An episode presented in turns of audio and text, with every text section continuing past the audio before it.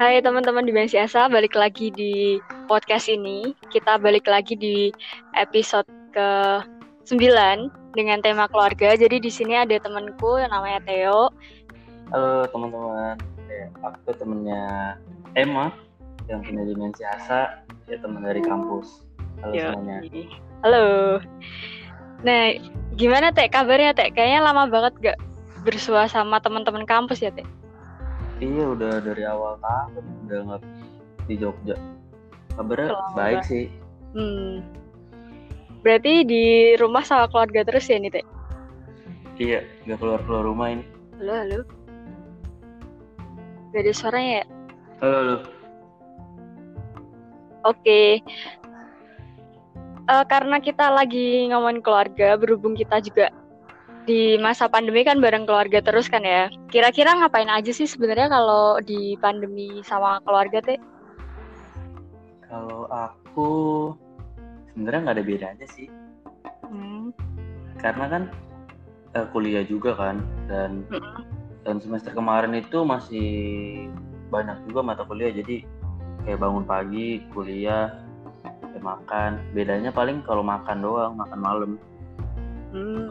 kalau malam tuh ya lebih sering ngumpul bareng gitu Tapi itu tiap hari ya teh ya? hampir tiap hari kalau di rumah sih Wah berarti family time-nya kerasa banget dong ya?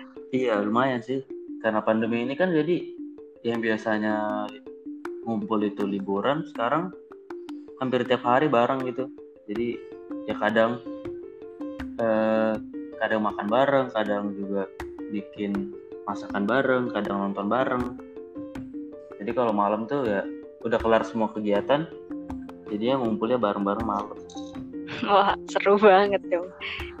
Berarti eh, seluruh hampir seluruh keluarga yang merantau tuh pada pulang ya berarti? iya adekku yang dari Bali pulang terus yang kerja-kerja juga di, di rumah semua kan Hmm ramai banget. bukan lumayan lagi sih tadi mau bilang lumayan banget sa- sampai yang yang sekolah kan di tetangga kan juga saudara aku kan adik sepupu nah, Mm-mm. itu juga ngumpulnya di sini juga di rumah jadi ya rame banget sih Oh semacam satu kompleks, satu keluarga gitu ya? iya gitu Seru banget tetangga ya keluarga sendiri. iya. Terus kalau misalnya kamu tiap hari ketemu sama keluarga tuh kan perbedaan banget nih kegiatan kamu di kampus, jarang ketemu keluarga. Terus tiba-tiba pas pandemi kamu tiap hari ketemu keluarga tuh sebenarnya rasanya gimana sih, Teh? Nah, ini menarik sih jadi waktu awal-awal pandemi kan eh, pulang tuh Mm. terus eh, rasanya tuh kayak seneng gitu kayak wah asik nih sama keluarga terus kan ngapain aja enak ini nggak mikirin apa-apa cuman mikirin kuliah sama kerjaan-kerjaan lain Mm. Terus makin lama makin ke sini kayak mulai berasa gitu kayak eh, karena biasanya aku sendiri di kosan kan. Mm-mm. dan terus ya perbedaan-perbedaan kayak misalkan ngambil keputusan eh, ngelakuin apa aja itu mulai kerasa sih pas pertengahan-pertengahan tahun ini. Jadi kayak awalnya seneng terus ada masa kayak ya ampun enak banget kalau di kos sendiri nih ngapain aja bebas gitu terus ya. Ya itu kan namanya juga ya keluarga mau gimana pun mereka keluarga gitu perbedaan-perbedaan Iya, kayak bener. yang yang ku anut sama mereka kan juga berbeda. Cuma ya, Mm-mm. seru aja sih. Proses. Berarti emang selama tiga bulan pertama tuh masih ngerasain ya happy banget ketemu keluarga terus gitu ya. iya parah.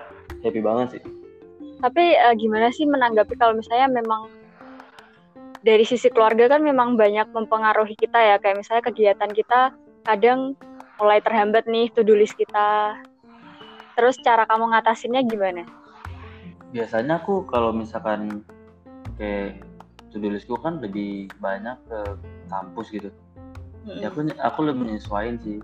Kayak misalkan kan aku cukup sering untuk dimintain tolong melakukan sesuatu gitu. Kayak disuruh nganterin ke pasar disuruh nganterin kakak kerja atau misalkan bantuin beres-beres rumah gitu. Hmm. ya biasanya nyesuain kayak di jam segini tuh eh, biasanya disuruh-suruh gitu. Jadi yang ngerjain tugasnya di jam-jam yang kosong. Kalau misalkan pagi pagi sekalian atau nggak malam malam sekalian itu hmm, benar-benar. Memang butuh komunikasi sih ya sebenarnya. Iya benar kalau misalnya kita lihat kebiasaan kita nih dari awalnya sendiri terus ketemu keluarga aku pun juga kemarin gitu kan awalnya ngekos terus ketemu keluarga memang wah banyak banget nih adaptasinya adaptasi kegiatan baru gitu ya kesehariannya. Tapi gimana sih eh, kan banyak banget kan teman-teman di luar sana yang ngerasa kadang keluarga tuh jadi hubungan yang toksik gitu loh. Kadang eh, kita jadi susah ngapa-ngapain terus akhirnya kita kayak banyak banget sambatnya kayak gitu. Menurut kamu kalau misalnya ada kondisi-kondisi kayak gini tuh gimana sih teh? Kondisi-kondisi yang menganggap keluarga toksik. Iya bener. Lama kelamaan kalau misalnya kita kelamaan sama keluarga gitu. Gak bisa dipungkiri kalau itu uh, sesuatu yang bakal kita lalui sih. Karena aku juga ngerasain kayak gitu di pertengahan pandemi ini. Kan kayak misalkan kayak kita nih orang-orang yang merantau gitu orang-orang yang ngekos. Kan udah banyak perubahan dalam diri kita dalam keseharian kita yang biasa sendiri terus biasa terus sekarang jadi bareng keluarga ya ada masa-masa di mana ya enakan sendiri gitu. Ada nilai-nilai yang kita bawa yang nggak bisa diterima keluarga sama yang keluarga bawa nggak bisa kita terima gitu. Ya perbedaan-perbedaan gitu kan biasa gitu. Jadi dibilang toksik sih mungkin ya definisinya luas juga sih. Cuma untuk perbedaan-perbedaan kayak gitu ya hal yang biasa sih buatku proses juga hmm. nanti nanti lama-lama juga biasa kok adaptasinya mulai ketemu titik tengahnya mengatasinya gimana baiknya gimana komunikasinya gimana. Iya setuju banget. Sebenarnya eh, nggak ada keluarga toksik ya toksik gitu ya. Gimana caranya kita bisa uh, menyesuaikan aja sih ya satu sama lain kan. Iya benar. Karena perbedaan waktu uh, tahun lahir kan juga sangat berpengaruh sih. Kayak misalkan kakakku dengan mama papa aku dengan hmm. kakak aku dengan mama papa kan ya perbedaan lahir juga sangat berpengaruh gitu loh. Iya benar. Ya kalau kalau buatku ya ya emang gak gampang juga sih buat diri sendiri. Cuma kalau kita yang nggak berubah juga ya siapa lagi Iya tarik ulur diri sendiri juga nggak sih? Iya iya. Kalau misalnya ini cocok ya kita ambil, kalau enggak ya nggak usah menganggap itu hal yang negatif juga sih sebenarnya. Iya bener Karena kamu kan juga membernya banyak nih teh. Satu rumah berapa member teh? Berapa keluarga? Aku keluarga inti itu ada tujuh. Tujuh bersaudara ya? Enggak, lima bersaudara. Oh iya. Dua. Mm-hmm. Kan. Terus kakakku udah nikah kan yang pertama. Jadi suaminya di sini sama suaminya, terus ada anaknya dua, berarti udah sepuluh. Terus ada mbak satu, jadi bersebelas kira-kira. Wah, wow, banget. Kayak udah kayak hal Gen Halilintar dong. Waduh. Iya my sih. family my team gak nih? ya cuma kalau siang juga kayak misalkan ada sepupuku yang yang udah SMA nih yes, hmm. ha, tiap hari ke sini sih. Jadi kalau siang lebih rame lagi sebenarnya. Berarti itu belum total ya? Sebenarnya total bisa 20-an lebih dong bisa kalau kalau pada ke sini kalau saudara-saudara pada ke sini wah seru banget sih. Sangat berbeda ya dengan rumah saya yang cuman tinggal anak satu doang bungsu Kakak kamu udah pada merantau ya? Udah pada iya, pindah ya? Iya, udah pada kerja, udah bersuami juga. Ya dinikmatin aja lah. Kalau kamu sendiri di rumah gimana? Kan sepi itu. Hmm, perubahannya lumayan drastis sih, mulai dari kakakku yang pertama nikah ya. Mungkin karena uh, tiap hari ketemu kakak pertama terus, terus ngerasanya setelah nikah tuh kayak wah nggak ada temen nih kayak biasanya ngapa-ngapain pergi ke pasar jalan-jalan beli apa tuh berdua tiba-tiba sendiri terus. Terus kayak semua kegiatan bapak ibu jadi tugasku gitu loh. Kayak misalnya aku nganterin ibu ke mana terus nemenin bapak aku pergi cari ikan kayak gitu-gitu. Yes. ya lumayan makin sibuk sih sebenarnya. Ya, ya gimana ya peran kita sebagai anak juga di rumah tuh berat juga mas Hmm, kalau dibilang berat enggak juga sih. Karena kayak udah waktunya kita punya tanggung jawab itu jadinya ngerasa nggak berat sih sebenarnya kalau dipikir-pikir. Karena dulu ngerasa banget gak sih kalau kakak kita tuh banyak banget tugasnya daripada kita yang sekarang? Ini kita kebalik deh. Aku malah enggak. Aku Oh, malah iya? merasa iya aku merasa kebalikannya mungkin karena aku anak cowok laki-laki pertama kan jadi kayak ya ya kalau eh, bapak bapak bapakku ngapa-ngapain ya mau nggak mau aku bantuin. Terus kalau mama aku minta tolong juga ya ya kalau bisa ya aku lakuin gitu. Beda sama kakakku.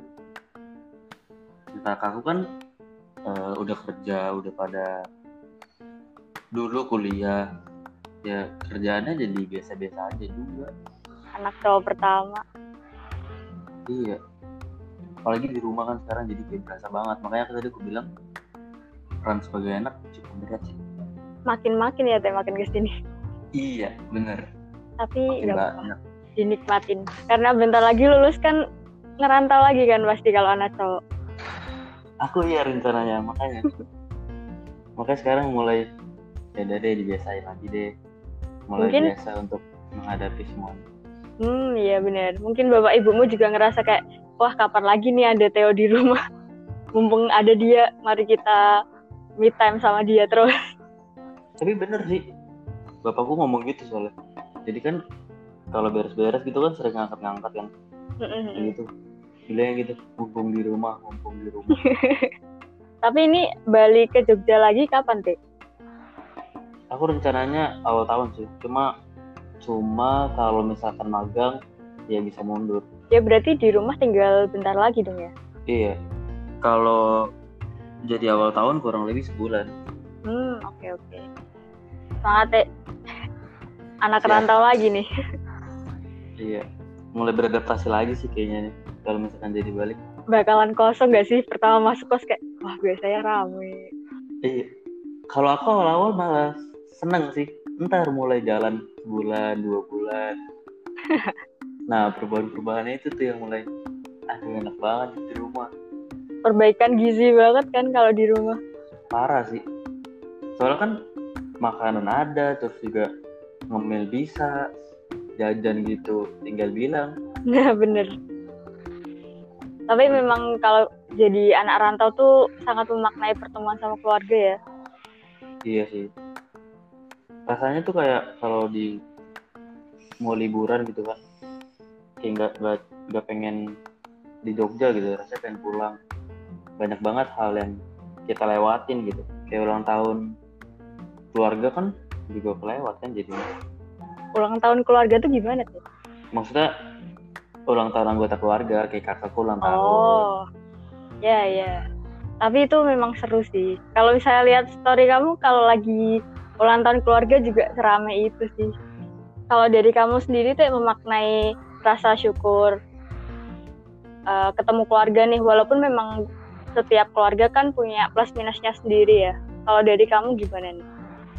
Eh, gimana ya sebenarnya rasa syukur pertama aku ya keluarga aku masih utuh sih itu terus eh, ya perbedaan-perbedaan itu sih yang me- memproses diriku menjadi sekarang kayak ya kakakku dengan keluarganya. Terus pekerjaan kakakku yang kedua pekerjaan kakakku yang ketiga. Terus aku punya adik juga. Ya ya banyak banyak hal yang bisa dipelajarin sih. Banyak hal yang bisa diceritakan juga. Jadi eh, komunikasinya itu sih yang bikin oh ternyata ya aku punya keluarga yang hebat. Terharu ya, Teh? Ngomongnya sambil terharu nggak, Teh? enggak lah Tapi aku setuju banget sih sama kamu. Ketika kita masih punya keluarga utuh, ya kekurangan kelebihan itu wajar banget. Gimana caranya kita saling melengkapi aja. Butuh komunikasi juga karena memang kata Theo tadi perbedaan tahun kan memang mempengaruhi pola pikir juga ya, budaya juga. iya. Ya gimana caranya kita yang yang masih muda jangan terlalu egois juga sih sama keinginan kita. Kadang kita lupa kalau misalnya kita punya kebutuhan dan orang tua lebih tahu kebutuhan kita daripada keinginan kita juga kan. iya bener kadang kita enggak sih kadang kadang aku kadang aku juga suka lupa gitu karena kebiasaan sendiri sih jadi kayak Hmm. ya ya gue bisa sendiri jadi ke bawah-bawah sampai ke keluarga itu ngaruh juga sih Iya, tapi habis itu kan kayak nggak sengaja habis ngelakuin jadi refleksi diri juga nggak sih? Pas kita Iya. lagi sendiri gitu di rumah. iya benar. Kayak- kayaknya salah deh tadi. Kayaknya Sebenarnya kita tuh sadar kalau kita ngelakuin kesalahan sama keluarga, tapi kadang kita suka gengsi ya sih ngakuinnya. gengsi parah sih. Gengsiku tinggi jadi kayak ya udahlah gak usah ngomong berubah aja bro Iya, lebih sering banget kayak gitu aku juga. Ya, semangat buat anak muda yang merantau lagi. Semangat juga di tengah pandemi ini masih pada online juga kegiatannya. Ada close statement gak nih Teh, tentang perkeluargaan? oh, kalau statementku ini aja pergumulan tuh eh sebenarnya keluarga kan bermacam banyak banyak beragam usia banyak beragam pendapat banyak beragam pemikiran ya kita sebagai anak muda yang sedang menuju proses pendewasaan ya semoga bisa eh, tumbuh menjadi pemuda yang yang dapat memaklumi segala sesuatunya apalagi dalam keluarga gitu. Perbedaan emang ada sih. Yap. cuma cuma jangan menjadikan perbedaan itu sebagai hamba- hambatan dalam ber menjalin hubungan dengan keluarga. Nah, harusnya kita sebagai anak muda ya lebih bisa memaknai segala sesuatunya. Lebih bisa toleransi perbedaan-perbedaan itu. Kita menjadi eh, kalau aku menganggap kita harusnya menjadi jembatan antara yang tua dengan yang muda. Atau antara yang tua kayak misalkan mama papa dengan kakak kakakku cuma nggak mudah semuanya. Ya, semangat. Eh, sebuah pesan buat aku juga. Thank you Teh, udah berbagi cerita tentang keluarga juga. Makasih mau hadir di Dimensi Asa.